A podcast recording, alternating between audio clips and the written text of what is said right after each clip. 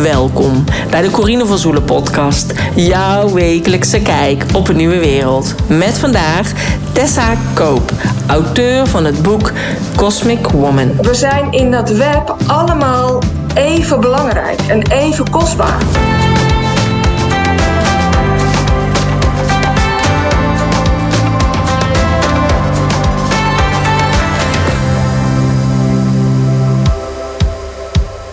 In deze podcast interview ik Tessa Koop. Zij was eerder al in podcast 69. Dit was in november 2019. Nou, inmiddels is er zoveel gebeurd dat het echt tijd werd voor weer een nieuw gesprek.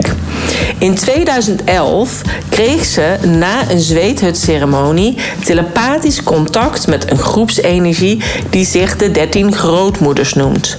Deze ancestor spirits zijn nauw verbonden met moeder aarde en alles wat op haar leeft. Zij leerde haar om helemaal opnieuw te leven in het ritme van de natuur, wat verbonden is aan de dertien manen, en toonde haar daarom ook de weg naar haar ware natuur via de Woman Medicine. Wat zij hieronder verstaat, vertelt Tessa in deze podcast.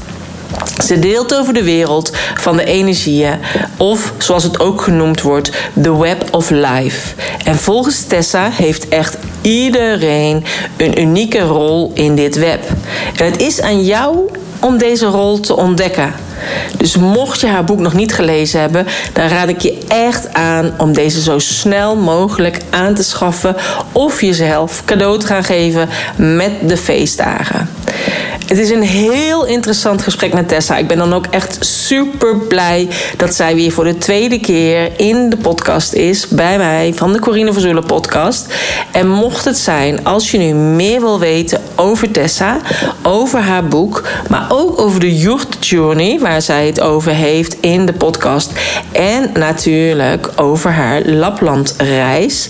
Check dan de show notes pagina www.corinevanzoelen.nl slash podcast streepje 235. Ik wens je echt heel veel luisterplezier met deze podcast. En mocht je het nou een fijne podcast vinden, deel hem dan op je tijdlijn. Tag Tessa, tag mij, want dat vind ik super leuk. Want ik wil graag dat zoveel mogelijk mensen met deze podcast in aanraking komen. En uh, weten wat ik ook zoal te bieden heb op de site corinevanzoelen.nl. Daar kun je sowieso gratis video's vinden, gratis e-books. Maar je kunt daar ook mijn online programma's vinden om te werken aan je bedrijf. En natuurlijk de online training van ondernemer naar online ondernemer, waarin ik je echt alles leer over het online ondernemen. En waarbij je inclusief jouw eigen online platform leeromgeving krijgt met technische support en coaching van mij. Nou, uh, het lijkt me daarom echt super tof dat je deze podcast deelt, zodat nog meer mensen kennis kunnen maken met Tessa en natuurlijk met het werk wat ik ook uh, aan te bieden heb. Nou, ik wens je super veel luisterplezier en geef het vooral een duimpje, een hartje of een like. Vandaag heb ik een online afspraak met Tessa Koop. Welkom Tessa. Ja, dankjewel Corinne. Ja, nou superleuk. Je bent voor de tweede keer in de podcast. We ja. hebben net even gekeken. De laatste keer was november 2019. Dus dat is gewoon al bijna uh, vier jaar geleden. Ja. Oh, en wat is wat er veel veranderd? ja, echt hè? Dus ja, ik denk, laten we beginnen bij het begin. Ik weet niet, misschien is het fijn als jij je nog even kort voorstelt voor de mensen die jou nog niet kennen. Ja, nou, mijn naam is dus Tessa. Ik, uh, ik um, woon in Haarlem. Ik heb twee dochters. Um, in 2019, in januari, verscheen mijn boek Cosmic Woman. Uh, dat heette toen nog Gelukkiger leven met een kosmisch bewustzijn. Maar de vierde herdruk die binnenkort uitkomt, die krijgt een andere ondertitel, namelijk Terug naar je ware natuur met de 13 grootmoeders. Mm -hmm. um, ik heb mijn boek Cosmic Woman uh, geschreven in samenwerking met de 13 grootmoeders. En um, de 13 grootmoeders, um, ik zal uitleggen. Um, in 2011 uh, had ik een zweethutceremonie. Ik uh, zou een webtekst schrijven voor een uh, man die heel erg bezig was om Maya-oudsten en shamanen en medicijnmannen en medicijnvrouwen over te halen uit uh, Noord- en Zuid- en Midden-Amerika om in het Westen uh, ja, te delen over ceremonies, het belang van ceremonies en de kennis van de natuurvolkeren, de kennis over Moeder Aarde. En hij zocht een tekstschrijver voor die website en hij zei van het is misschien een goed idee om zelf een keer een uh, ceremonie te ondergaan, dat je weet waar je het over hebt. Die webtekst heb ik uh, nooit geschreven. Ik heb wel die zweetceremonie uh, gedaan. En um, ja, daarna is eigenlijk mijn leven compleet veranderd. Tot op de dag van vandaag eigenlijk. Het is nu twaalf jaar geleden dat ik die uh, heb gedaan. Want in mei 2011 deed ik dus die zweetceremonie. En vanuit de oude volkeren is een zweetceremonie een, een soort reiniging op, op allerlei diepe lagen. Een soort zuivering van jouw eigen spirit om weer helderheid te krijgen over jouw pad in het leven. Maar ook het loslaten van, van oude dingen die je niet meer dienen. En ook om een stuk verbinding te voelen met moeder aarde. Want in een zweethut ben je in het donker, veelal naakt. Uh, in, in een immense warme tent. Want die stenen die daar liggen te branden, gloeiende stenen, daar wordt water op gegoten, waardoor het een, ja, soort sauna-effect krijg je. En um, dus behalve dat het je fysiek zuivert, doet het ook iets geestelijks met je. Een soort, het stoomt je letterlijk klaar voor een nieuw begin. Nou, zo was het in ieder geval voor mij. Ik ging in juli uh, daarna uh, met mijn gezin op vakantie naar Zuid-Frankrijk. En um, ja, ik heb dit verhaal zeg maar best wel wat vaker al gedeeld, maar het blijft eigenlijk wel bijzonder. Want ik nam op de valreep nog een aantal boeken mee, waaronder uh, een boek van Jamie Sams, uh, De 13 oorspronkelijke clanmoeders. En dat boek nam ik mee omdat de natuurvolkeren eigenlijk altijd al hebben gesproken over onze verbinding met de sterren. Mm-hmm. En ik voelde me van jongs af aan al verbonden met de sterren. En ik had eerlijk gezegd niet zoveel met Moeder Aarde. Voor mij was die verbinding met de sterren voelde eigenlijk als een soort heimwee. En eigenlijk ook een soort willen vluchten van hier. En um, juist omdat ik niet begreep waarom ik hier was en wat er hier allemaal gebeurde. Mm. Um, maar toen ik dat dus ergens had gelezen over de connectie van de natuurvolkeren met de sterren, toen dacht ik van nou, misschien dat dat boek mij wat helderheid geeft. Hm. En de eerste avond toen ik in de caravan zat en in bed lag, ging ik heel even dat boek doorbladeren. En um, ik ontdekte dat er één grootmoeder verhalenvertelster heet. En daar resoneerde ik wel mee, omdat ik uit de journalistiek kom. Dus het vertellen van verhalen, dat zit eigenlijk altijd al wel in mijn bloed. Maar ik dacht, nou, weet je, zware kost, nog hele vakantie, ik, ik zie het allemaal wel. Uh. De volgende dag ging ik heel vroeg in de ochtend joggen om uh, van de natuur te genieten en een beetje te bewegen. En uit het niets hoorde ik op een gegeven moment een hele sterke gedachte in mijn hoofd. Want dat is hoe ik de grootmoeders hoor. Niet zozeer als een stem van zoals ik met jou praat, maar meer een hele sterke gedachte waarvan je voelt van die, die overstemt mijn eigen gedachten. En die stem die vroeg aan mij van, uh, ik wist nog niet wat voor stem dat was, maar die stem vroeg aan mij van, kijk eens om je heen, wat zie je? En daar was uh, ja, moeder natuur gorddroog. En uh, ja, als je er een vlammetje bij hield, was het bij wijze van spreken gebeurd. Dus ik vertelde van ja, het ziet er heel droog uit. De natuur ja, ziet er schraal uit. En toen zeiden ze van, dat komt omdat de, meer, de mens meer neemt van moeder aarde dan dat ze teruggeeft. Ja, en daar werd ik een beetje verdrietig van. Ik dacht van ja, wat kan ik daar dan aan doen? Weet je wel, wat, wat, voelde me een beetje zo machteloos. En toen zeide, zei die stem van je bent juist heel machtig als je je, je ware natuur herinnert. En de mens is überhaupt heel machtig als die zijn of haar ware natuur herinnert. En toen vertelde die stem ook dat zij de, met één stem spreken, maar dat zij de dertien grootmoeders zijn. Ja. En zij legde zichzelf uit als aspecten van Moeder Aarde. Dus eigenlijk zou je kunnen zeggen dat Moeder Aarde leeft en bewustzijn heeft. Ja. En alle. Ja, moeder, moeder Aarde is ook een vrouw, een godin, om het zo maar te zeggen. Zij, zij herinnert zich haar heelheid met al het leven overal. Hè. Zij voelt zich verbonden natuurlijk met zichzelf, met alles wat op haar leeft, maar ook als onderdeel van een groter geheel in, in de kosmos, in het universum. En dat is ook wat zij um, ons, ons, haar kinderen wil helpen herinneren. Is dat wij ook haar kinderen zijn, maar ook kinderen van een veel groter geheel, van een wereld van energie. En zij legde eigenlijk ook uit dat zij delen van onze persoonlijkheid zijn. Dus als wij onszelf herinneren wie zij zijn en wie dan die dertien aspecten zijn, dat we ons daardoor beter leren kennen en ook onszelf daardoor durven te veranderen. Want de wereld waar wij in leven deels en waar we uitkomen, daarin zijn we eigenlijk onze ware natuur vergeten. We zijn vergeten wie we zijn en we zijn onszelf enorm gaan beperken in wie we zijn. Doordat de mannelijke energie, verbonden aan het verstand, verbonden aan dat wat je kunt zien.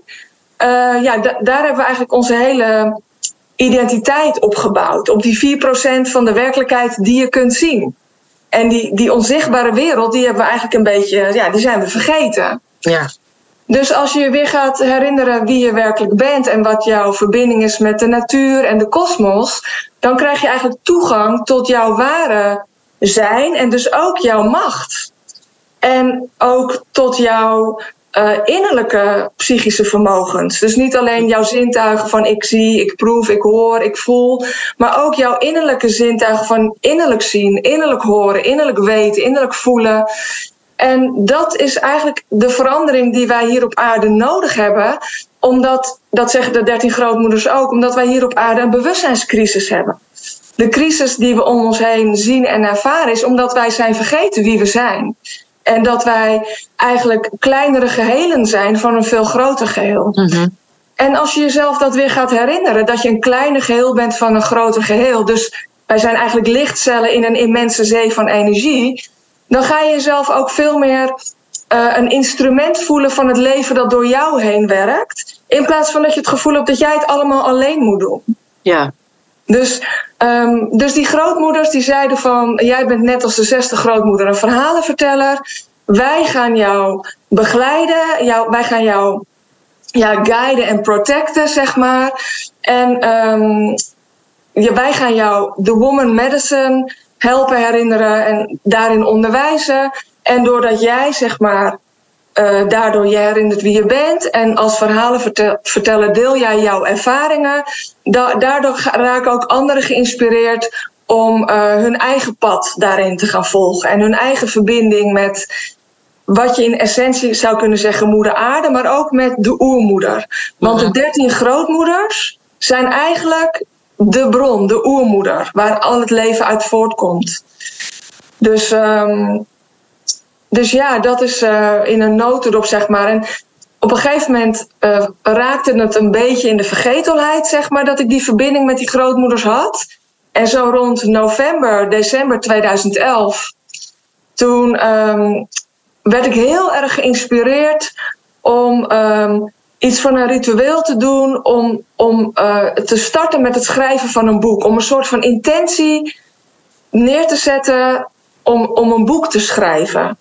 En um, op een gegeven moment had ik dat gedaan.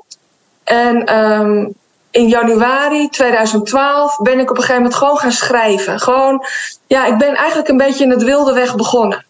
En op een gegeven moment in februari, eind februari, toen ontdekte ik dat als ik terugkeek naar wat ik had geschreven, dat ik in, eigenlijk in januari um, werkte met de eerste grootmoeder en in februari met de tweede grootmoeder. En ik dacht, hé, hey, 2012 is een belangrijk jaar hè, voor, voor de Maya-kalender, om het zo maar te zeggen. Ja. Ik heb het gevoel dat ik um, uh, in, in 2012 elke maand met een aspect van de grootmoeders ga werken. En, en dat boek is deel 1 geworden.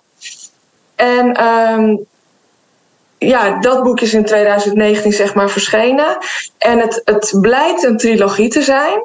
Dus in boek 1 omschrijf ik maanfase 1 tot en met 12. Dus eigenlijk een beetje zoals wij de kalender gewend zijn te leven. Mm -hmm. ja. En in het tweede boek omschrijf ik de dertiende maan, dus de dertiende grootmoeder. En leg ik eigenlijk veel meer uit over wat die dertien manen dan zijn. Wat dan die dertiende grootmoeder is. Want zij is eigenlijk de stip in de cirkel, dus de, het midden van de spiraal.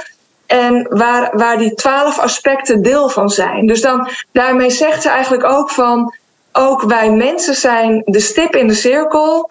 En zijn, uh, herinneren onze heelheid in verbinding met die twaalf aspecten van onze ware natuur.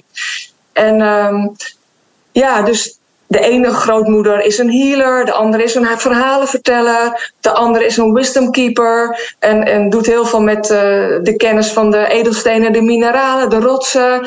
En de andere grootmoeder is de moeder der natuur en uh, leert ons over het ritme en de cycli, maar ook over hoe, hoe we eigenlijk deel uitmaken van één grote familie op aarde. Niet alleen een mensenfamilie, maar ook de bomen noemen zij de staande personen, de gevleugelde, de kruipers, de zwemmers. En zij leren ons eigenlijk dat we op aarde ook met de dieren onze bondgenoten en leraren hebben. Van hun kunnen wij heel veel leren over ja, welke eigenschappen van hun wij kunnen gebruiken om zelf in harmonie met het leven te leven.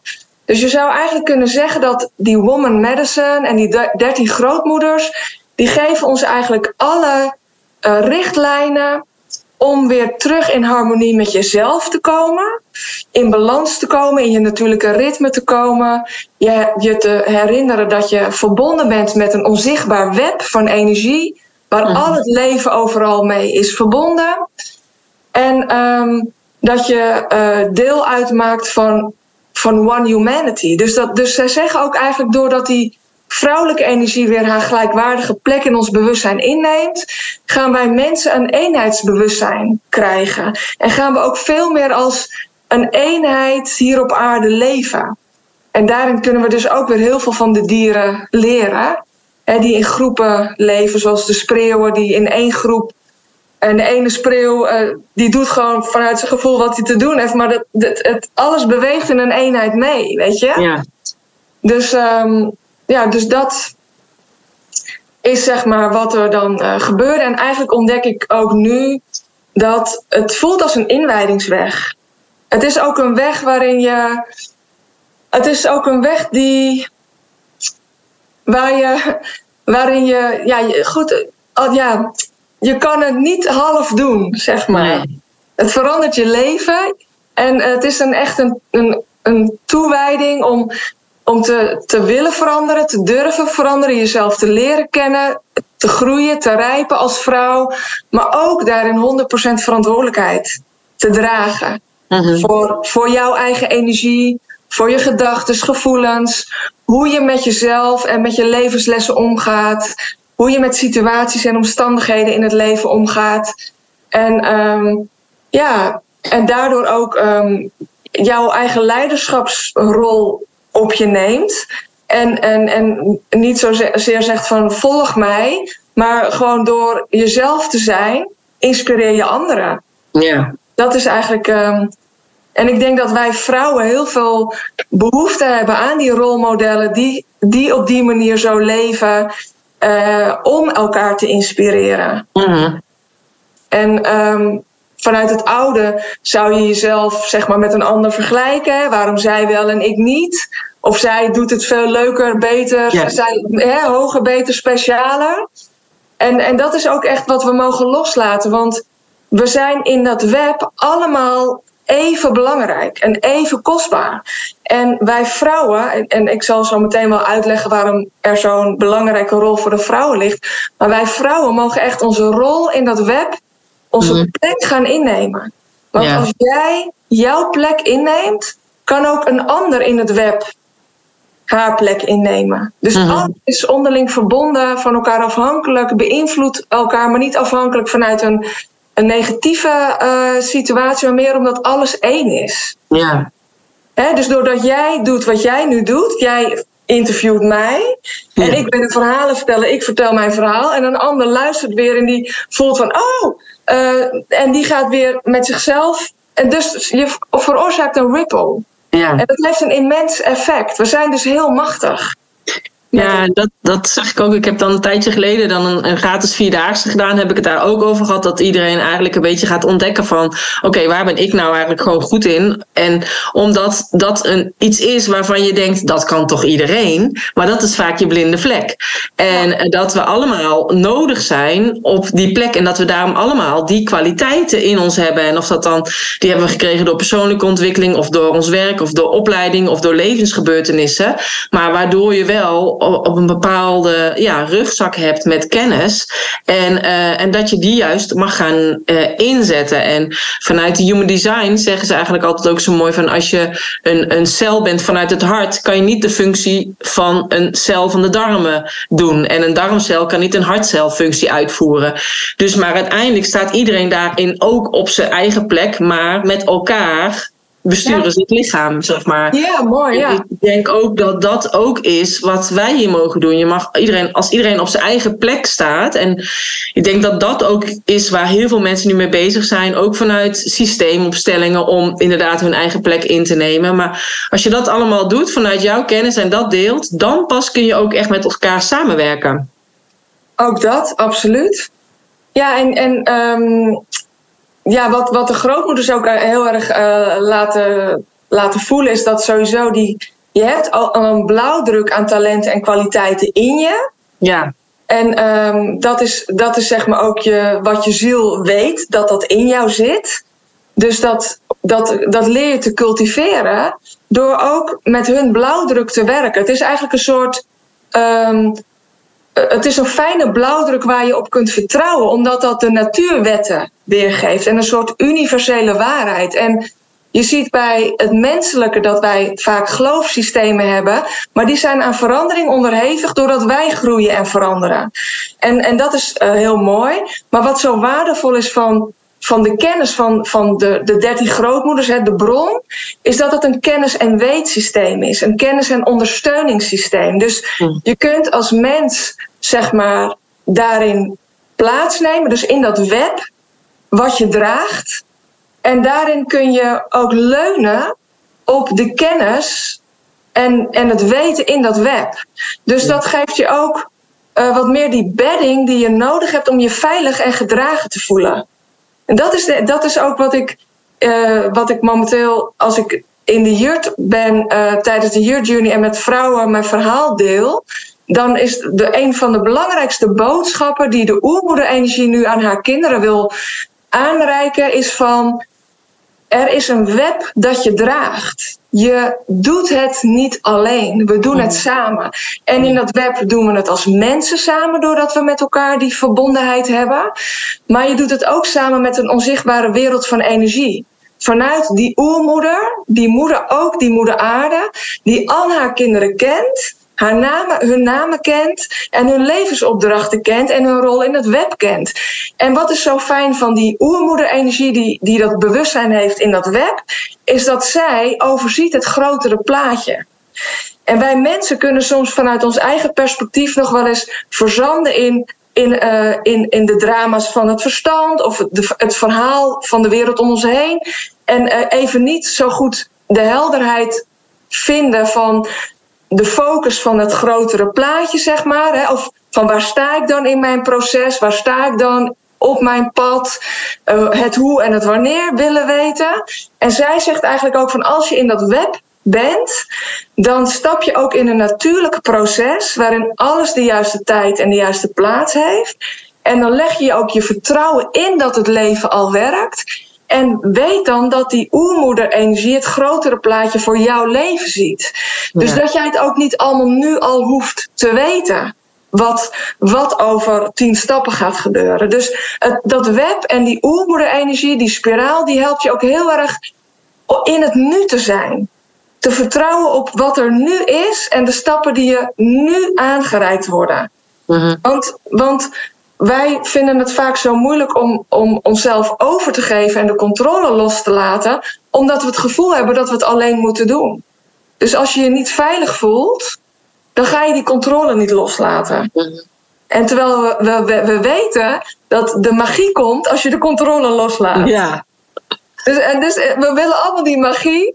En, ja, je wilt allemaal iets bijzonders en dat zit vaak net buiten je comfortzone. En hoe vaker je dat dan weer buiten je comfortzone doet, hoe normaler dat dan ook weer is. Ja, maar daarom is het wel goed om elke keer inderdaad net dat, dat stapje daar buiten te zetten en daar inderdaad ja. die magie te ontdekken. Ja, ja, mooi. Ja, je had het net al kort over de, over de, de Youth Journey. Want eh, die ben je, zeg maar, begin dit jaar ongeveer gestart. En jij dacht van, ik wil gewoon allemaal langs verschillende uh, youths. En uh, daarna eindigen op een supermooie plek. Dus, en wat is, waar, was het, waar kwam het verlangen vandaan dat je dacht van, oh, ik zou dat eigenlijk willen organiseren? Om dan ja, ook je lezers en zo natuurlijk weer live te ontmoeten. Ja, nou, um, het, het kwam eigenlijk um, vanuit een inspiratie, echt vanuit de, de grootmoeders. Uh, vorig jaar, in 2022, in maart, toen, uh, toen lag ik er even helemaal van af. en um, dat bleek achteraf de mother intervention te zijn.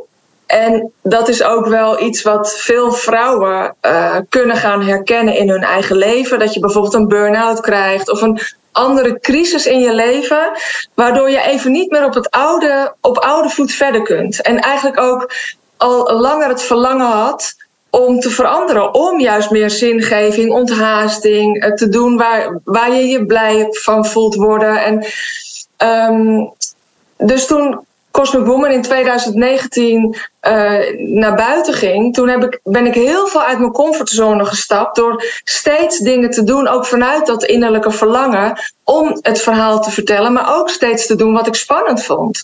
Dus het was steeds van, van uh, wees bang en doe het toch. En, maar dat heeft ook heel veel energie gekost. En het, doordat je even helemaal een heel ander leven gaat leiden, was ik ook eventjes mijn natuurlijke ritme kwijtgeraakt. Dus ik mocht eigenlijk ook weer in dat proces, terwijl ik al heel veel leerde over het natuurlijke ritme, nog weer dichter bij mezelf komen. Het is eigenlijk een duimschroef die steeds meer wordt aangedraaid. Zullen vrouwen ook wel herkennen als ze luisteren in hun eigen bewustzijnsgroei. Je wordt steeds meer uh, uitgelijnd met het grote geheel. En dat gaat niet van de, van de een op andere dag.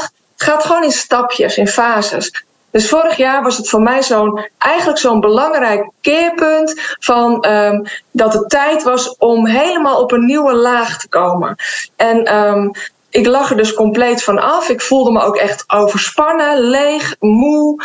Uh, ik tierde ook even niet meer. Um, maar parallel daaraan, gelukkig, uh, leerde ik de dertien grootmoeders op een nog diepere laag kennen. Gingen ze op een nog diepere laag kennis en wijsheid delen. En leerde ik eigenlijk meer dat de dertien grootmoeders eigenlijk een ander, andere benaming waren voor, voor één moeder. De moeder, de bron, mm. weet je wel. Dus ook dat was voor mij zo'n grote eye-opener. En de, de moeder, de bron, is de spiraal. En de spiraal is gewoon, ja, zo zou je eigenlijk het, het leven kunnen visualiseren hoe het leven werkt. Hoe alles in spiralen beweegt en de, alles vanuit de bron komt, zeg maar.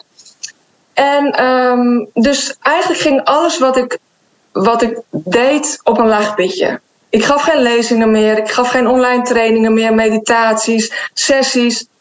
Overal ging ik uit. En um, op een gegeven moment, um, toen was eigenlijk alles leeg. Het leek net alsof Cosmic Woman haar laatste adem had uitgeblazen.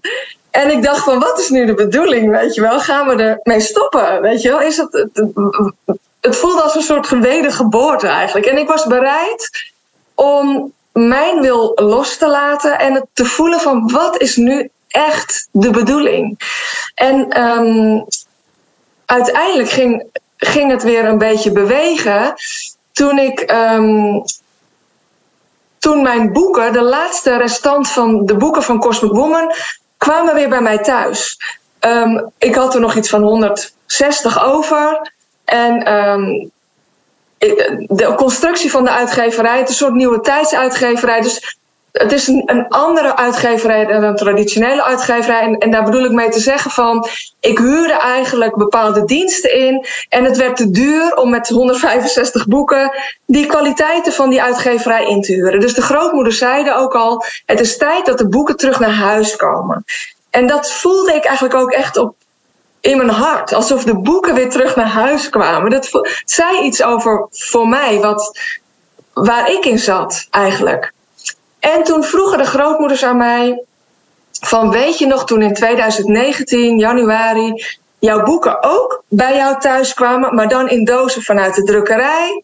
Dat ze echt net binnen stonden. Je kreeg een telefoontje van de uitgever. Weet je nog wat ze toen zei? Ja, tuurlijk, want ik mocht drie dagen spreken op het Happiness Festival. Ja. Precies, zeiden ze toen. En waar zat je toen? Vroeg de groot, vroegen de grootmoeders. Ik zeg, ik zat in de jurt. Ja. Precies, zeggen ze. Jij gaat die laatste restant boeken van hart tot hart weer van hand tot hand naar de vrouwen brengen in de jurt. Want de jurt is symbolisch gezien de baarmoeder van moeder aarde. En um, de oude natuurvolkeren, voor hen is de jurt, of noem het een lodge, of een maantent, of een tipi, dat is een hele bijzondere energie. Want het is een cirkel.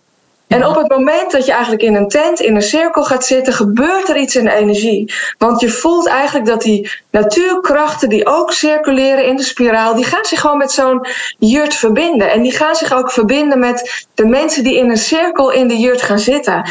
Je bent eigenlijk weer zo'n eeuwenoude vrouwencirkel aan het, uh, aan het zijn, om het zo maar te zeggen.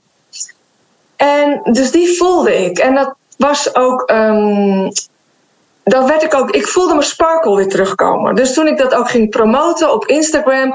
Toen had ik meteen al wat vrouwen uit mijn community die zeiden: Yes, we gaan in de cirkel in de jurt. En we, we verheugen er ons op om jou weer te zien en uh, te horen spreken. En het was zo een, uh, een gevoel van thuiskomen. Dus dat was in maart ging ik bij uh, Lonneke Lamers van de Jurt Feel Your Heart... ging ik de eerste vrouwencirkel doen.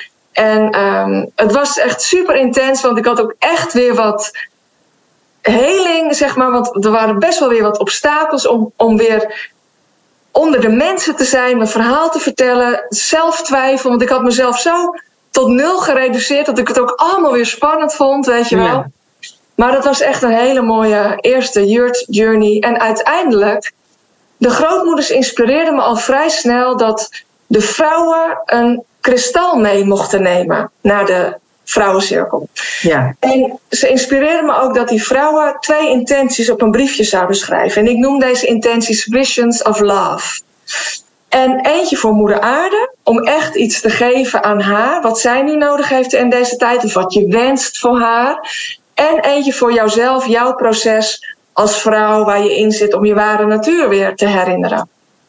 En daar ook de hulp bij te mogen ontvangen die je nodig hebt en waar je behoefte aan hebt. En um, daarbij was ik ook heel erg geïnspireerd door de kennis van uh, Little Grandmother, Keisha Crowther, die ook heel veel kennis heeft over kristallen en over water en water en kristallen. Dus gaandeweg ontdekte ik eigenlijk dat ik bezig was om allemaal kristallen te verzamelen. Met intenties van vrouwen. Um, en ik heb zelf zeg maar 13 kristallen schedels die symbool staan voor een grootmoederenergie. En de ouden wisten ook dat als je 13 kristallen schedels, dus de dertiende in het midden hebt, dan creëer je een soort krachtveld. En alles wat je daarbinnen neerlegt, versterkt zich. Mhm. Dus al die kristallen, al die bloemen, al die veren die ik er ook altijd bij leg, die, en alle liefdevolle intenties. En je gaat een ceremonie houden. Je, je bent eigenlijk een soort krachtveld aan het co-creëren. Met elkaar, met Moeder Aarde, met de kosmos. En um, op een gegeven moment toen ging Lapland Jurts mij volgen op Instagram. En ik heb altijd al een hele sterke verbinding met de Aurora Borealis. Mm En de laatste jaren delen de grootmoeders ook kennis over de Aurora Borealis. Dat allemaal in mijn nieuwe boeken zal verschijnen. En zij noemen dit het moederlicht. En ook de kroon van moeder aarde. En ook, dat zegt ook zoveel over, over onze ware natuur als vrouwen. Hè? Dat als wij onze kroon weer dragen en de godinnen die wij zijn en de talenten die wij weer in onszelf mogen cultiveren en herinneren, de psychische vermogens, de magicians, de magiërs, de priesteressen zeg maar. En um, dus ik had zoiets van: hey, hoe zou het zijn om dan onder de Aurora Borealis de Jurt Journey te eindigen? Ja, in die jurt. Ja. Dus ik zocht contact met haar en zij was meteen enthousiast. En zo werd eigenlijk het zaadje geplant om de, de laatste yurt gathering, dus de grand ceremony, zo noemen de grootmoeders dat, met al die kristallen die ik door al die yurt gatherings heen heb verzameld, in de jurt met een cirkel van, nou, we zijn nu bezig om te kijken of er een groep van 13 vrouwen, zeg maar, zich geroepen voelt om daarbij te zijn, om daarin uh, hun bijdrage te leveren. En um, dat is dus nu ook wat we gaan doen. We gaan um, op 13 12 2023 in een jurt in Zweeds Lapland uh, met nieuwe maan um, onder de aurora borealis de eindceremonie te doen met ja, die honderden kristallen van al die vrouwen. En um, dan de dag erna gaan we deze kristallen teruggeven aan het wilde water van Moeder Aarde, namelijk bij Sturversen. Dat is de meest krachtige stroomversnelling van Europa. En waarom is het zo belangrijk dat het wild water is? Dat het, dat het kolkt en stroomt en beweegt en, en doet? Dat is omdat water is de meest krachtige geleider van frequentie, van energie. Ja. En wat is nou een kwaliteit van kristal? Kristallen hebben het vermogen dat uh, A, je kunt ze programmeren met intenties, met kennis, met wijsheid. En ze hebben het vermogen om die energie op te bouwen en te versterken. Dus kristallen zenden versterkt uit wat je er aan intentie of aan kennis of aan informatie in stopt. Dus kristallen zijn eigenlijk um, een soort bibliotheken. Er zit heel veel een soort kennis in. Ja. En um, kristallen en water hebben een soort 1 2 met elkaar. Dat kristallen die gaan hun informatie afgeven en het water dat gaat uh, die, die, die pulsen, die energieën meenemen in het water. En water is niet alleen een krachtige geleider van frequentie, maar water heeft ook geheugen. Dat is ook wetenschappelijk aangetoond inmiddels door dokter uh, Emoto. Dat als je um, waterkristallen, zeg maar, uh, ja, bijvoorbeeld liefdevolle woorden meegeeft of muziek, of dan gaan ze een soort geometrisch perfect patroon vormen, waardoor um, ja, er orde en harmonie ontstaat. Ja. Dus eigenlijk zou je kunnen zeggen dat die kristallen die geven liefde af door al die intenties die er met al die ceremonies in zijn gestopt. En het water neemt die intenties mee en, um, en die kristallen die uh, verdampen op een gegeven moment en het, het komt in de wolken en het gaat regenen. Dus het is een soort kringloop van liefde wat zich gaat verspreiden over de wereld, om het zo maar te zeggen. Hm. En um, het is ook, ook een hele krachtige manier om iets voor de aarde terug te doen. Ja. Om ook iets terug te geven aan, um, aan de natuur. En um, ja, dus uh, dat is zeg maar dan de eind ceremonie van de Jutse Journey. Maar ook wel heel mooi dat zij dan dus vanuit Lapland Jurts jou gaan volgen. Want je had ja. dat natuurlijk van tevoren helemaal niet bedacht. Zeker niet. Het is nee. echt helemaal in, in de synchroniciteit eigenlijk ja. zo, zichzelf zo gaan ontvouwen. En je kunt je ook wel voorstellen, en ik denk ook dat dat ook zo inspirerend is voor ons allemaal om te weten, dat als je op een gegeven moment voelt van van um, wat, wat ik wel merkte, wat het keerpunt was in uit die donkerte te komen van mijn eigen, de duistere nacht van mijn ziel. Want als je heel diep even gaat, is dat je op een gegeven moment als vrouw of als mens wel eventjes in zo'n moment kan zijn dat je ja, je slachtoffer voelt of dat je, dat je niet in beweging komt. Hè? Dat je denkt van, van die machteloosheid en, en ook soms het afwachtende van wanneer gaat iemand mij redden of wanneer komt nou het teken. Ja. Weet je wel, wat ik ontdekte is toen ik de, de beweging ging aannemen van hoe kan ik geven? Mm-hmm. Hoe kan ik iets doen om iets van mezelf te geven? Daardoor ging ook die inspiratie stromen. Dus, dus ik vond het zo'n eye-opener om te ontdekken dat als je vastzit, dat kan ook in het kleine alledaagse zijn.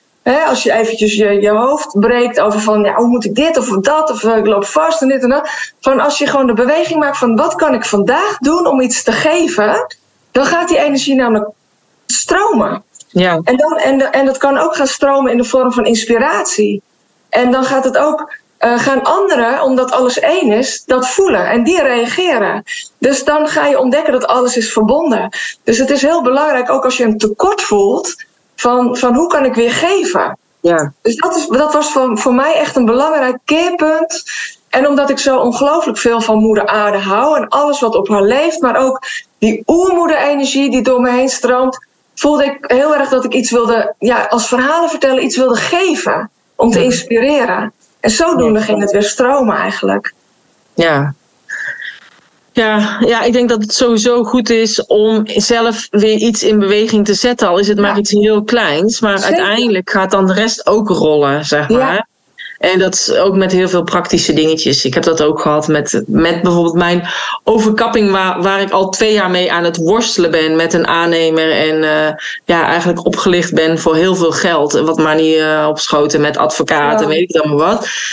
En elke keer dacht ik bijvoorbeeld, als dan die overkapping klaar is, dan ga ik de rest van mijn huis opruimen. Want dan kan ik dat daar neerzetten in de kast, in die overkapping en dit en dat. En toen dacht ik van, nou, weet je, die overkapping, dat zal inderdaad nog een tijdje duren. Maar ik kan wel alvast beginnen met mijn schuur opruimen. En dan kan ik nu nog niet mijn, mijn vazen en mijn bloempotten in de kast zetten in die overkapping. Maar dan ga ik wel alvast opruimen welke bloempot wil ik houden en welke doe ik weg. Zeg maar zo. En dus daar was toen dus ook inderdaad beweging in dat ik dan die schuur ging opruimen. Ja. normaal gesproken deed mijn man dat altijd. Maar ik dacht, nou, oké, okay, ga ik nu toch doen. Dus waardoor dat ik dat ging doen, toen dacht ik, oh, dan heb ik ook zin om de keukenkastjes weer verder een keertje weer op te ruimen. Of weet je wel.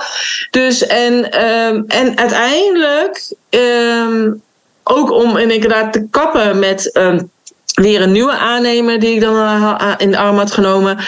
Uh, en dus iemand anders ernaar liet kijken. En die zei van nou, ik zou niet dat glas doen. Wat ik inmiddels dan wel had staan. Maar polycarbonaat.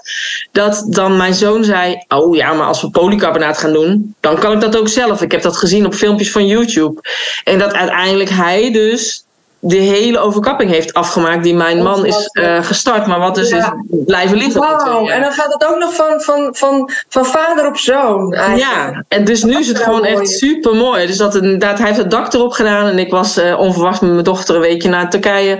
En toen ik terugkwam, toen heeft hij het allemaal afgemaakt. En wow. uh, ja, inmiddels is hij elektricien, dus heeft hij zelf ook stopcontacten en alles aangelegd. Maar ik had wel ook zoiets doordat ik voor mezelf ben gaan kiezen. Zo van, joh, ik heb gewoon helemaal geen zin meer in die aanneming. Het brengt me alleen maar hoofdpijn en frustratie en boosheid.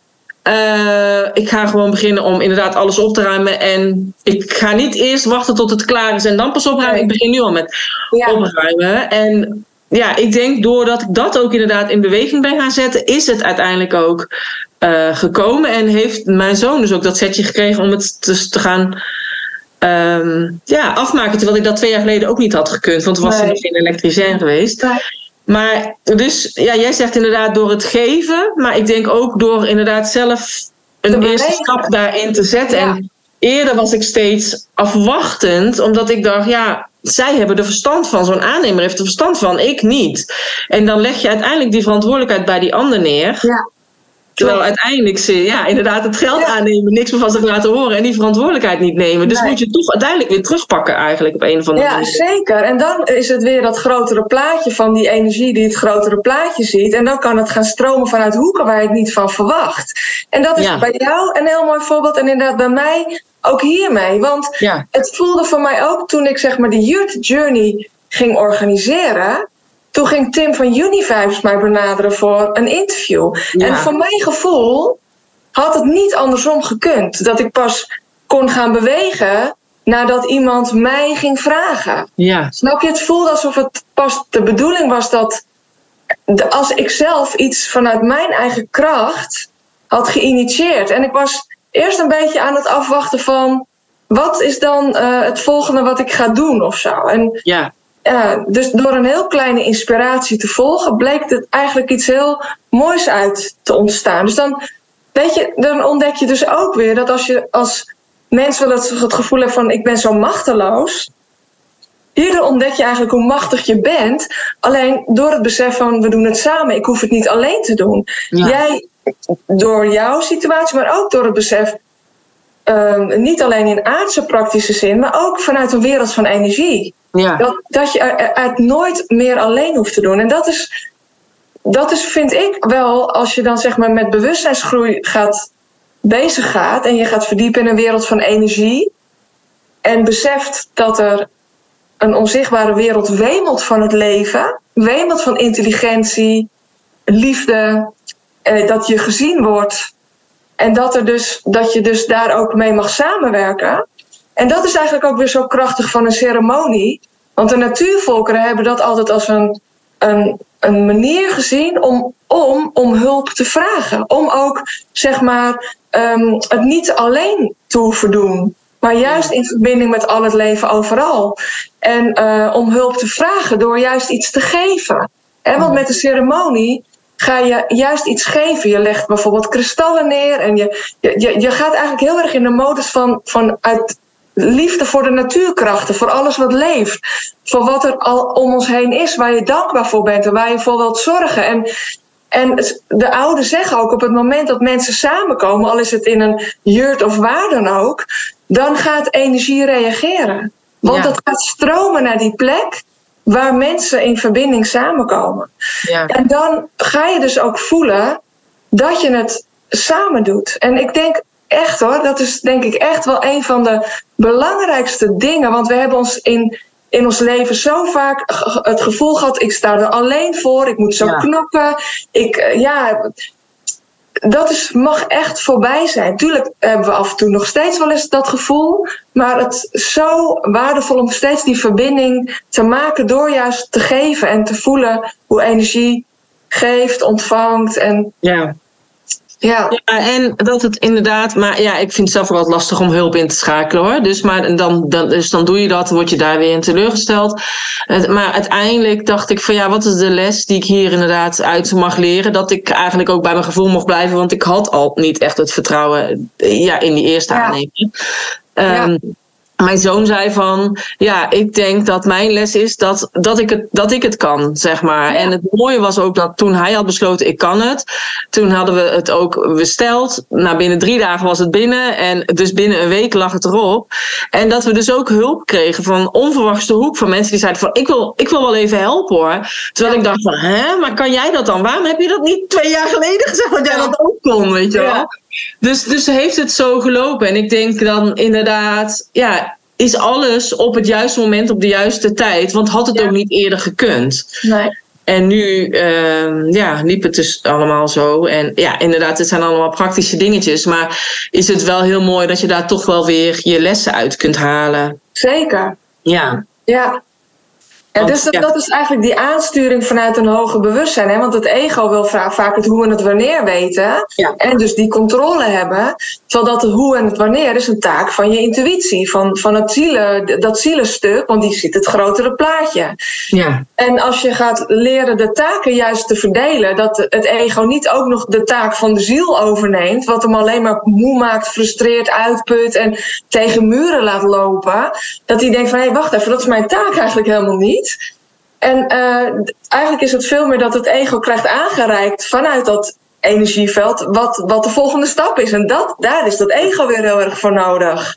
Ja. Dus ja, het is wel, wel mooi om te. Ja, en dat is denk ik ook wel het spel en de reis die we hier met elkaar maken. Van ja, hoe werkt die vrouwelijke energie dan? Ja. Hoe werkt die mannelijke energie dan in harmonie met dat vrouwelijke stuk?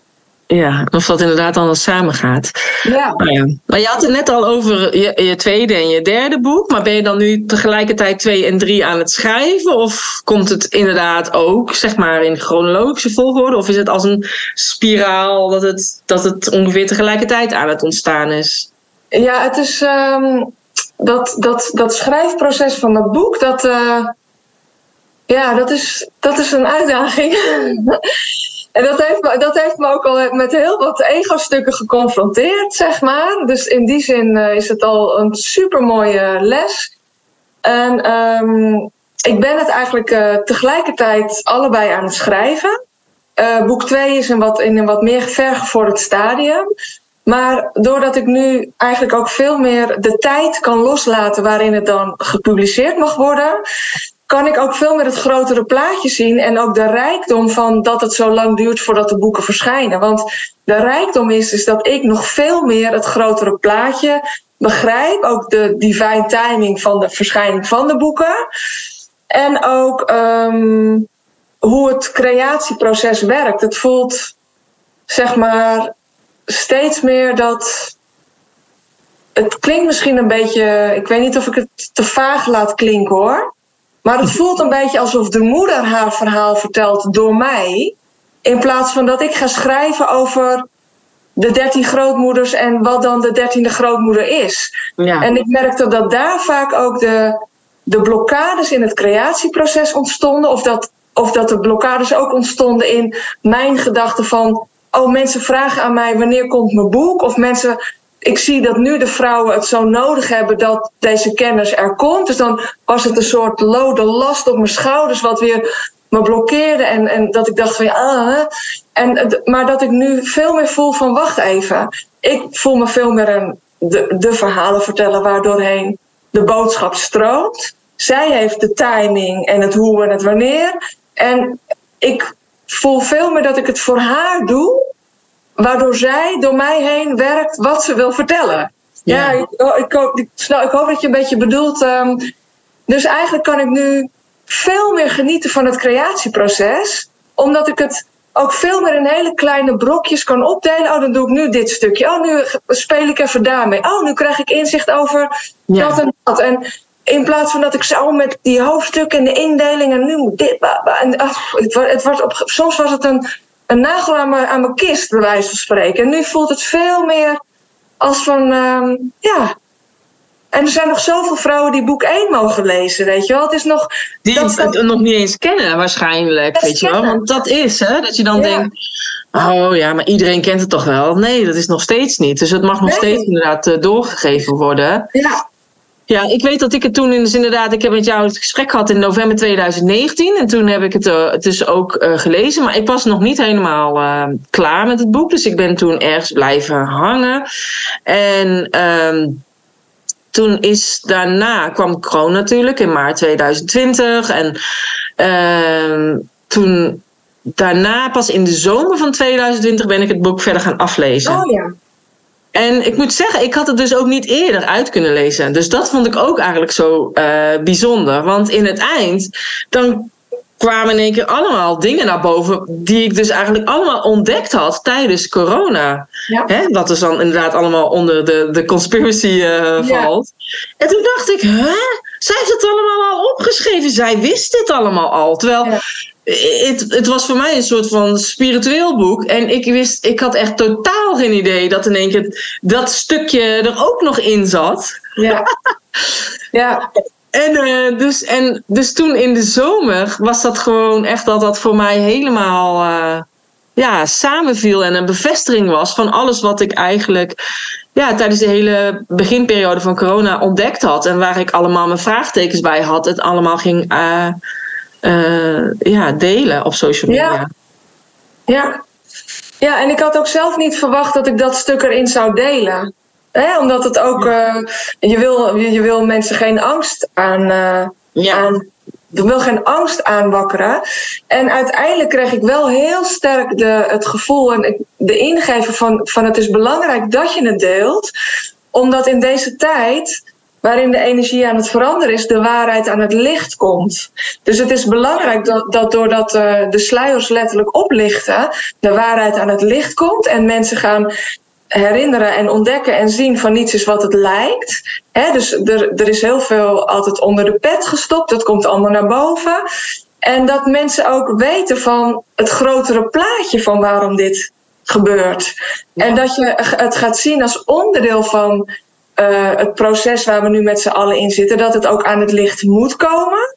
Maar dat het een station is dat je passeert. Omdat als je gaat begrijpen van um, waarom dit nu allemaal gebeurt, dan kun je gaan focussen op jouw rol en het focussen op wat is mijn taak dan om bij te dragen aan die vernieuwing en die verandering.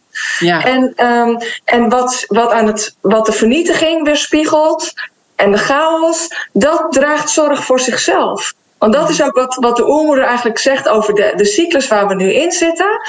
Is dat um, je hebt, je hebt misschien ook wel al de, de metafoor van, van de kokon. Hè? De mensheid zit in die kokon en uh, breekt zichzelf af tot een soep. Waarin er al, allemaal, uh, nou, van die hele rups is niks meer te zien eigenlijk. Nee. En, um, en dat, dat die, die soep is een smurrie en het is chaos en het is donker in die kokon. En, en je zou jezelf daarin kunnen verliezen als vlinder in spe, waarin je kan denken van het is allemaal verloren. Het gaat allemaal mis, alles gaat weg. Het gaat allemaal, uh, ja, het gaat allemaal mis. En dat is ook de, de, wat veel mensen ook wel voelen als ze ontwaken hè? In, in die in, dat niets is wat het lijkt en dat tegenwerkende krachten het niet het allerbeste met ons voor hebben. Maar als je dan kijkt in die cocon, is dat ook hun, hun taak. Dat dit, dat dit spel zichzelf uitspeelt. Dat, maar wij zijn, zeg maar, de dromers van die nieuwe aarde. En in, de biologen hebben ook letterlijk aangetoond dat in een cocon zitten de imagined cells. En de imagined cells zijn geprogrammeerd met het worden van een vlinder. Dus zo, zo zijn wij eigenlijk in, in, in, in de wereld, die imagined cells, in die cocon van de mensheid van chaos, angst en verwarring. Wij zijn geprogrammeerd met herinneringen van waar we naartoe mogen bewegen. Vandaar ook dat verlangen naar terug in je ritme, uh, in harmonie met moeder aarde, uh, herinneren wie je bent. Dat zijn allemaal van die talenten van zo'n imagined cell, die eigenlijk zichzelf herinneren hoe, hoe ongelooflijk machtig en prachtig we zijn en hoe machtig en prachtig die natuur is. Maar dan moet je wel van goede huizen komen. Want zo'n imagined cell, die zit wel op een plek waar chaos, angst en verwarring zijn je kunt het letterlijk herkennen dat je in een familie bent geboren waarin niemand begrijpt wie jij bent. En waarom jij bijvoorbeeld niet uh, die en die keuze hebt gemaakt in de coronatijd. Terwijl anderen dat wel doen. Dus je, je moet sterk in je schoenen staan als imagined cell. En, en daarom zeggen die dertien grootmoeders ook. En dat is bijvoorbeeld een hele belangrijke kwaliteit. Een hele belangrijke kwaliteit van de vrouwelijke energie. En je zou dat ook de, de, de kwaliteit van de dertiende grootmoeder kunnen noemen. Want zij heet zij die haar visioen wordt. Zij zit in het midden van die cirkel. Zij is eigenlijk de, de, de dromer die ziet, die die vision of love heeft. Die die nieuwe wereld al ziet en al is. En die ook zegt het is een afstemming, een realiteit die er net zo goed is als, als de andere realiteiten die naast elkaar bestaan. En als Imagine Cells hebben wij eigenlijk de opdracht om die nieuwe wereld te dromen, maar ook om deze in, in onze rol te, te verwezenlijken hier op aarde. Handen en voeten te geven, letterlijk. En um, ja, dus dat is ook wel een hele belangrijke reden van uh, het aangeven in mijn eerste boek van wat gebeurt er achter de schermen om inzicht te krijgen in de rol van die tegenwerkende krachten. Maar ook dat het ons besef is dat het een station is dat je passeert. Je, het is belangrijk niet te gaan vechten tegen het systeem, tegen het oude. Want dat kost energie. En daarmee geef je energie aan hetgene wat je eigenlijk wilt veranderen. Mm Dus het is heel belangrijk dat je, dat je beseft van, oh wacht even, ik ga niet vechten, maar ik ga kijken naar de verandering waar ik naartoe wil. En ik ga me herinneren hoe machtig ik ben. En ik ga voeding geven aan dat wat zichzelf al aan het opbouwen en versterken is. Want dat zegt, zeggen die dertien grootmoeders ook. Hè, die dus eigenlijk die moeder aarde zijn. Hm. Die moeder aarde heeft al gekozen. Die heeft al koers ingezet naar de nieuwe tijd. Het is een cyclus, een kosmische cyclus. Het is onafwendbaar. Maar hoe wij um, meegaan in die cyclus, dat is eigenlijk. Uh, kiezen we voor nog meer hobbels en bobbels of gaan we kiezen voor uh, minder hobbels en bobbels? Dat is eigenlijk de keuze als collectief. Ja. En daarom voel ik me als verhalenverteller zo geïnspireerd om die kritische massa te inspireren. Want die kritische massa die is al aan het ontwaken.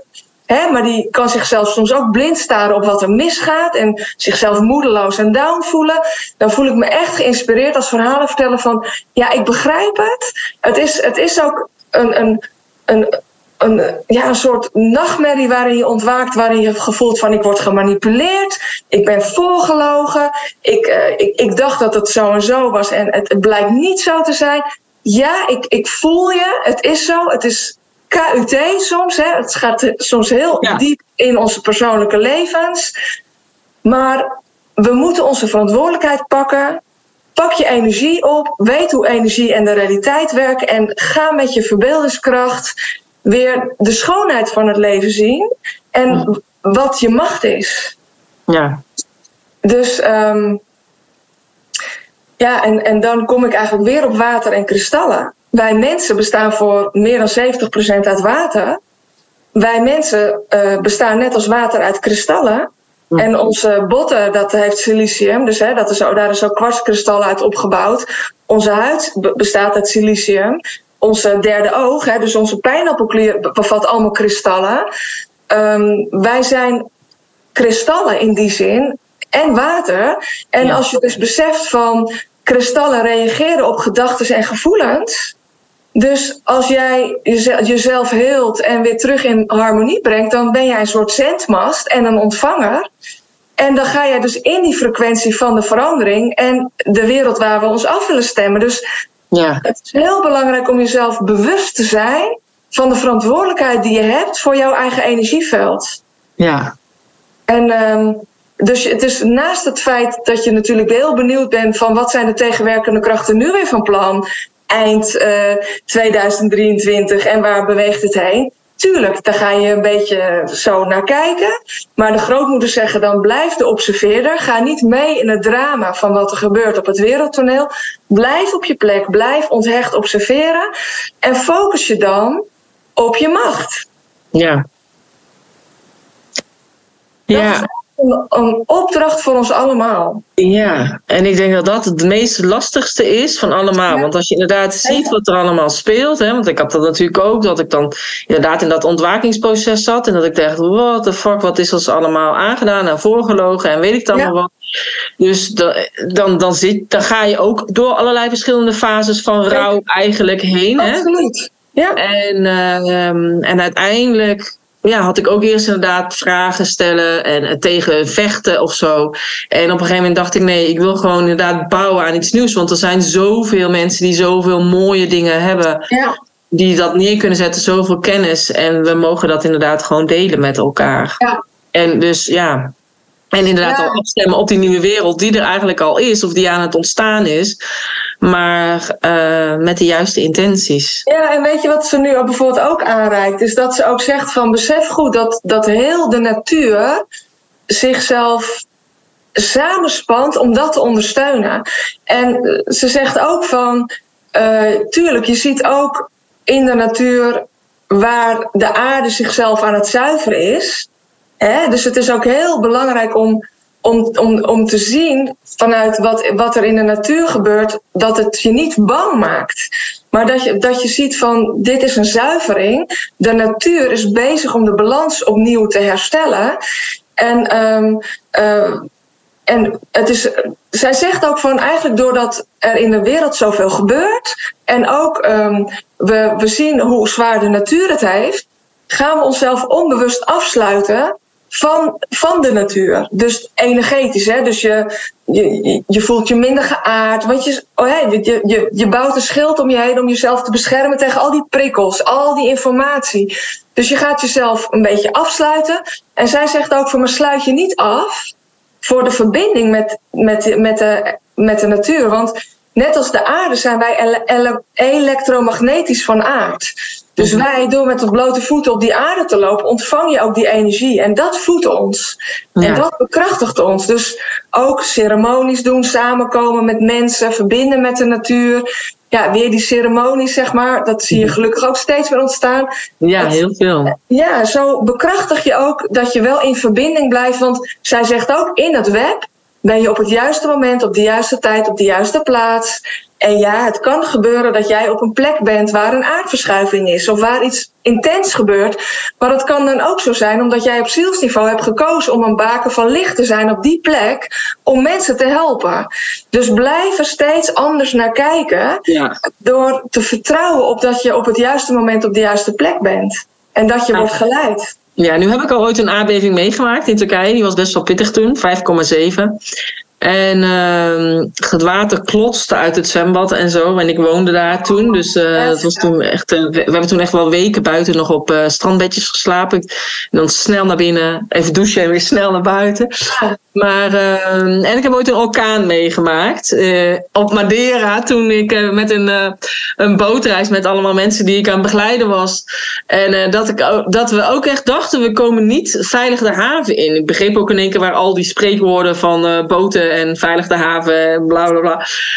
Um, en toen weet ik nog dat mijn tante tegen mij zei van ja jeetje, je hebt het wel, jij treft het wel elke keer. Jij zit allemaal op van die rare plekken, zeg maar. Maar uh, nou ja. Ja, maar hoe kijk je er dan op terug als je er dan of op een andere manier naar kijkt? Nou ja, ik denk gewoon van, ja, dus dat, dat heb ik overleefd, zeg maar. Dus, ja. uh, Thank God. ik, ik kan alles aan.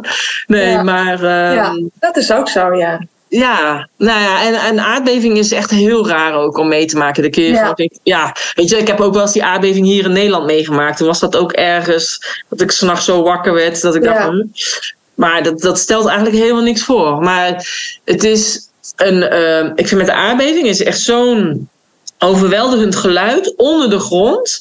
Ja. Dus dat je echt je, je, je bent niet veilig, zeg Nee. maar. Je voelt je Nee, ook niet veilig. Want Nee. de grond waar je op staat kan Ja. eigenlijk voor je gevoel elk moment openscheuren. Ja, En, heftig. eh, en het is, is zo'n naar geluid, dat zit echt helemaal onder je huid. Als ik daarna nog in een parkeergarage was en er was een auto aan het rijden over van die, Oh ja. die platen, zo, dan, dan schrok ik gewoon meteen. Ja, snap ik. Maar, ehm, dus dat was het, dat dat, dat heel ehm, eng is. En ook wetende dat het natuurgeweld zo groot is, Ja. dat je wat dat betreft. We zijn zo nietig, hè? Ja, we zijn zo nietig. Ja, Ja, de mensheid heeft zichzelf boven de natuur geplaatst eigenlijk. En door de natuur, zeg maar, besef je hoe nietig we daarin zijn. Ja. Hè? Dat we daar, onszelf daar absoluut niet boven moeten plaatsen. Nee. Want ja, dat... eh, En het was met die orkaan precies zo. Want het waren echt eh, golven van meer dan 12 meter hoog. En wij zaten met een viermastig zeilschip. Dus we waren al op tijd vertrokken, maar we wisten dus niet of we op tijd aan zouden komen. Nou, ik zat alleen maar in het midden zo op die boot. En ik dacht, oh, ik ben blij dat ik als Oh. we te zijn. En we kwamen toen s'nachts om twee uur aan in de haven. Dus eh, dat was heel fijn. Maar er waren zeg maar een hele dikke touwen zeg maar, om mij mee vastlegt in de haven. Zelfs dat touw was helemaal kapot geschuurd aan de wand. Doordat de, dat de golven Ja. zo hoog waren en eh, de wind. Ja.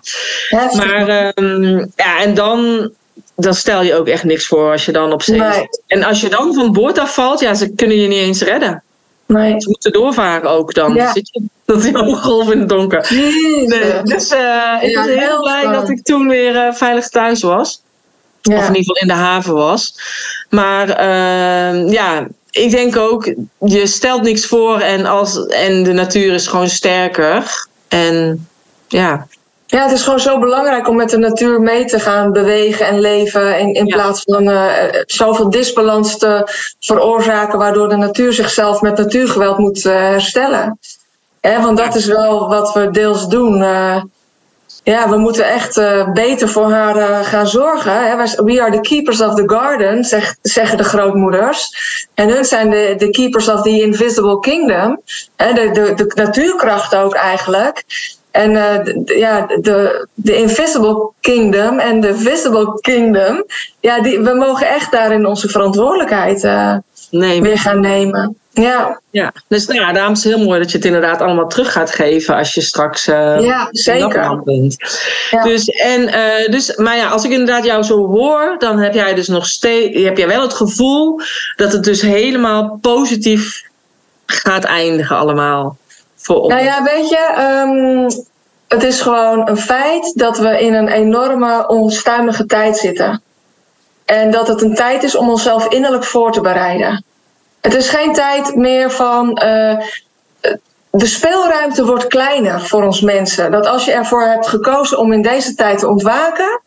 en je ziel geeft al op allerlei manieren de tekens. vaak in de vorm van een crisis. Of vaak in de vorm van dat je voelt van wow, nu is het echt tijd om mijn hart te volgen. Of nu is het echt tijd om te veranderen. Dat zijn echt tekens die we in deze tijd serieus dienen te nemen. Want we zijn wel op woelige baren. Ik, ik zeg niet dat het een uh, unicorn happy ending is, uh, uh, die, waar we volgend jaar al lekker naartoe kunnen leven. Want we zitten echt voorlopig op een, op, een, op een woeste zee. Maar op het moment dat je wel op het moederschip zit, hè, dat je de, op, de, op, op de juiste schip vaart op die woeste zee, dan ga je ontdekken dat je wel voor deze tijd hebt gekozen als ziel om, uh, om dit mee te maken, om sowieso te groeien en het te ervaren, maar ook om jouw rol op je te nemen. Je bent hier echt omdat je heel kostbaar bent in deze tijd, omdat je echt heel belangrijk bent. En, en die zelftwijfel en onszelf wegcijferen. En ja, het is um, de tijd om om, uh, ja, de grootmoeders noemen het ook, it's the time of the black jaguar. En de, de black jaguar zegt, het is genoeg.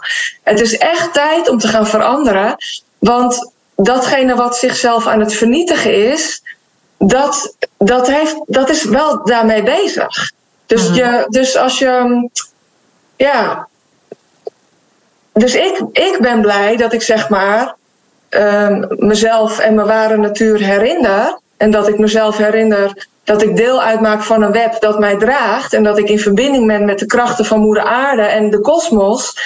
En dat ik vanuit mijn hart leef, dat ik vanuit een, een, mijn ruimere bewustzijn leef, waardoor ik steeds meer vertrouwen heb in dat het leven werkt en dat het pad zich voor mij ontvouwt. En dat neemt niet weg dat ik het af en toe ook spannend vind wat Moeder Aarde aan het doen is. Dat vind ik ook spannend. Ja. Maar ja, ik, weet wel dat ik op de goede, op de goede weg zit. En ik, dat wens ik wel iedereen toe die is ontwaakt. Dat je ook voelt van ja. En dat je ook um, ja, in vertrouwen. Dus uh, als je echt zeg maar in die verbinding uh, leeft, dan ga je ook merken dat, dat er wonderen. De grootmoeders zeggen wel, zeg maar, accepteer nou eens gewoon dat wonderen bestaan. Dus stel je voor dat je in een hele spannende situatie komt in jouw leven, maar je hebt die innerlijke gerichtheid mhm. op je ware natuur, dan ga je zien dat er wonderen gebeuren. En dat, dat er hele bijzondere dingen ook in die chaos kunnen gebeuren, waardoor jij voelt van ik word gedragen, het is goed, mhm. ik ben veilig. Ja. En, uh, en, en ja, en het is echt wel een tijd om jezelf innerlijk voor te bereiden. Dus als je nog met een rugzak van pijn en verdriet rondloopt en uh, zelftwijfel. Of ja, het is echt wel tijd om daar een kijkje in te gaan nemen. Maar dan ook te voelen dat je in dat proces wordt begeleid. Je hoeft niet in één keer die hele rugzak om te kiepen. Er mogen stukjes uitkomen. En in het leven van alle dag wordt, spiegelt het leven wel aan jou voor welk stukje het tijd is. Dat kan zelfs een overkapping zijn bij je huis. Weet je? Precies. het zijn de kleine alledaagse dingen die ons eigenlijk spiegelen waar we naar mogen kijken. En je herkent het op het moment dat je merkt van nu schiet mijn ego in het drama. Nu ga ik mee in, in mijn eigen drama of, of het verhaal van de ander. En dan is het een, eigenlijk een signaal van, oh nu mag ik terug op mijn plek gaan staan. En mag ik uh, uh, de observeerder zijn en me onthechten en gaan voelen van hoe kan ik hiermee omgaan vanuit wijsheid? Wat zou liefde doen? Ja. Hoe, hoe, kan ik hier anders naar kijken dan wat ik gewend ben te doen? Vanuit een perspectief van eenheid en dat ik het niet alleen hoef te doen en dat, er, dat ik word gedragen en dat alles de juiste tijd en de juiste plaats heeft. Of welke mensen in mijn leven mogen gaan, weet je wel? Of welke, ja, welke triggers heb ik in het leven die me normaal gesproken uit mijn centrum trekken, al honderd, honderd en één keer. Ja. En, ja, en hoe ga ik daar nu eens anders naar kijken? Vanuit ja. zelfliefde. En de ander vergeven en jezelf. En ja, dat is denk ik wel heel belangrijk uh, in deze tijd. Ja, Nee, dat denk ik inderdaad ook. En dat je inderdaad ziet, als het geen iets een tegenslag is, is het altijd iets waar je van leert, zeg maar. Hè? Dus, Zeker. Uh, ja. Um, en de grootmoeders zeggen ook wel eens tegen mij van snap out of it. Weet je wel, dan ben ik als een pitbull, zet ik mijn kaken vast in een probleem of uitdaging. En dan zeggen ze wel snap out of it. Weet je wel, dan moet je jezelf echt even bij een nekvel grijpen. Even een time-out inlassen. Even iets heel aards praktisch gaan doen om even helemaal op een ander thema te komen. Om er even de, de stroom te voelen van oké, hoe kan ik hier anders mee omgaan? Hoe kan ik het loslaten? Hoe kan ik het weer laten stromen of zo? Ja. Uh, inderdaad, van het leven werkt voor je, niet tegen je. Dus dat je ja. hebt altijd nodig om uiteindelijk weer verder te komen. Ja. Dat het een soort van verpakt cadeautje is. Um, ja, zo zie ik het eigenlijk altijd. Dus dat het, het is een cadeautje. Maar... Dat is soms niet makkelijk, hè? Nee. Want het leven komt echt met dingen. Nou, echt hoor. Ja, maar ja. Uiteindelijk... Uiteindelijk denk ik dan ook als ziel, heb je daarvoor gekozen? Heb ik ook hiervoor gekozen, zeg ja. maar. En uh, ja, en gaat het erom hoe ik ermee omga. Ja. En um, ja, dat Zeker. Een beetje. Ja, Ja. ja ik, uh, ik vond het echt super uh, interessant weer. Ja, ik vond ook een heel fijn gesprek, dankjewel. Ja, en dus ik weet niet of er nog iets is dat je denkt, oh, dat zou ik nog heel graag willen toevoegen. of dat ben je vergeten, of nou ja. Volgens mij niet. Nou ja, ik vind het wel fijn om te delen dat dus de herdruk van mijn boek, dat, daar zijn we mee bezig. Het is nog niet zo dat, dat je mijn boek nu kunt uh, kopen omdat hij gewoon is uitverkocht. En de herdruk, ja, dat, het is een proces. Want uh, ik zit ook zeg maar op een. Ik, ik, ben niet meer bij een traditionele uitgeverij, dus het gaat anders. Maar we zijn met een uh, herdruk bezig en er komt een hele nieuwe cover met een grootmoeder geschilderd op de voorkant door een, hele, door een echt een hele mooie kunstenares ja. gedaan. Ja, mooi. Ja, dus, um, dus dat. En um, ja, ik, ik verheug mij op op, op, op wat er nog mag gaan komen. Dus, ja.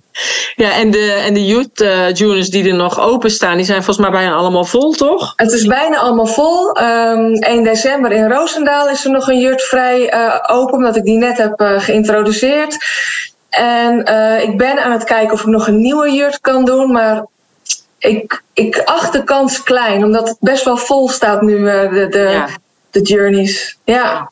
Oké. Okay. Nou ja, en voor Lapland is daar nog plek?